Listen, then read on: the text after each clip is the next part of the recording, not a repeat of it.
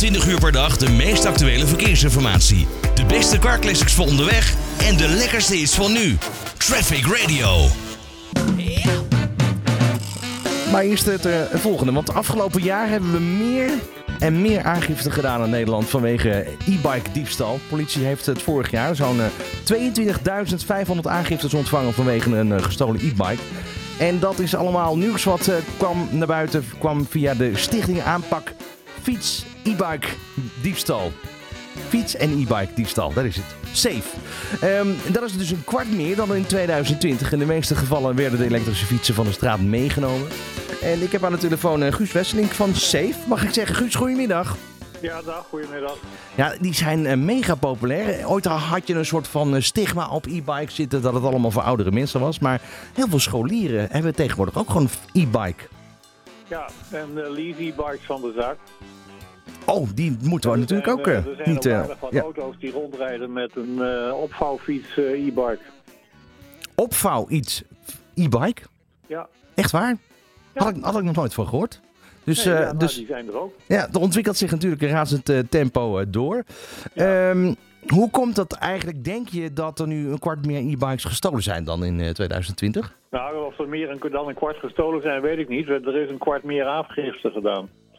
Aha. Niet iedereen doet aangifte, dus er zijn er nog veel meer gestolen.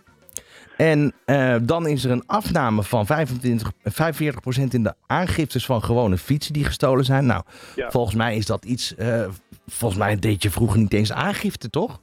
Nee, en dat, dat, de mensen die het nog wel deden, dat aantal wordt er langer hoe minder. Dus dat, eh, dat zakt naar eh, beneden de, ver beneden de 10% die daar aangifte van doen. En eh, nou ja, het verdienmodel van een gestolen fiets voor een crimineel is eh, veel en veel en veel kleiner natuurlijk dan eh, voor een e-bike. Dus Ja. die, die gewone fietsen, die worden ook niet zoveel meer gestolen. Er is geen afzetmarkt voor. Nu, nu was het eigenlijk bekend met fietsen van ja, je kan wel aangifte doen, maar het heeft echt totaal geen zin, want die fiets die zie je nooit meer terug. Hoe is dat eigenlijk bij e-bikes? Wordt daar wel serieus naar gezocht door de politie?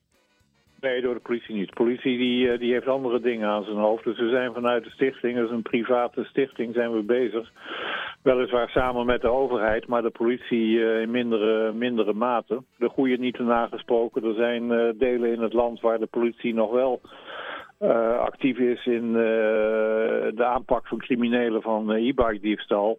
Maar het volgen, dat gebeurt door, door particuliere bureaus. Oké, en eh, een tracker inbouwen, dat ik kan me voorstellen dat dat eigenlijk meer eh, regel dan uitzondering is.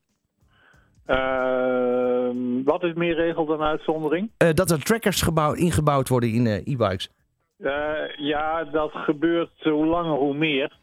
Gelukkig. Ehm, en, en dat, ja, dat, dat promoten we ook om dat vooral te doen. Want van de e-bikes met een trekker zijn er aardig wat die terugkomen.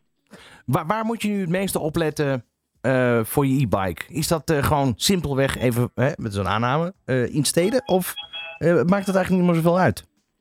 Ehm, ja, dat maakt wel uit. In, steden is het vaak het meest. Ehm, en, maar je moet er, waar je ook bent, je moet er gewoon altijd op beducht zijn. En zeker ook thuis. Want er, worden, er zijn er ook minstens 1500, eh, 1500 aangiften zijn er binnengekomen van diefstal uit schuurtjes en garageboxen. Mhm. Precies. Ehm, dan nog even de belangrijkste vraag misschien wel. Het is een dure aankoop. Ben je eigenlijk altijd verzekerd tegen diefstal? Of zitten er nog wat alletjes onder het gras? Nou nee, die verzekering die moet je zelf afsluiten. En dat eh, kost je ongeveer 300 euro voor drie jaar. Is te overzien. En dan krijg je daar wel korting eh, bij voor een eh, track-and-trace systeem.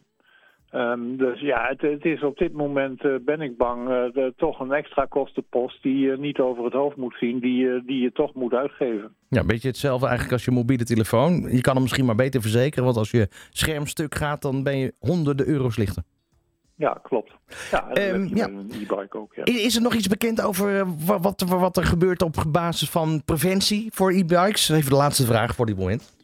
Ja, de preventie die ligt vooral bij de gebruiker om eh, dubbele sloten vastmaken aan de, aan de aarde of een muur. eh, ook in je schuur. Denk niet dat die in je schuur veilig is. Want als je een dure fiets hebt, dan wordt die daar ook gestolen. En we zijn bezig met de fietsindustrie om af fabriek eh, meer trekkingsystemen systemen te doen. Gebeurt nu ook in, in middenmotoren en dergelijke. Dus dat is de, de trend voor de toekomst. Kijk, nou dankjewel voor nu, eh, Guus Wesselink. Van eh, de Stichting Aanpak Fiets en E-Bike Diefstal Safe. En eh, ja, goed dat het in ieder geval even onder de aandacht gebracht is. Dan ga je toch wel even nadenken op het moment dat je zo'n e-bike aanschaft. Dat je toch dubbele sloten erop moet hangen. Oké, prima. Fijne middag.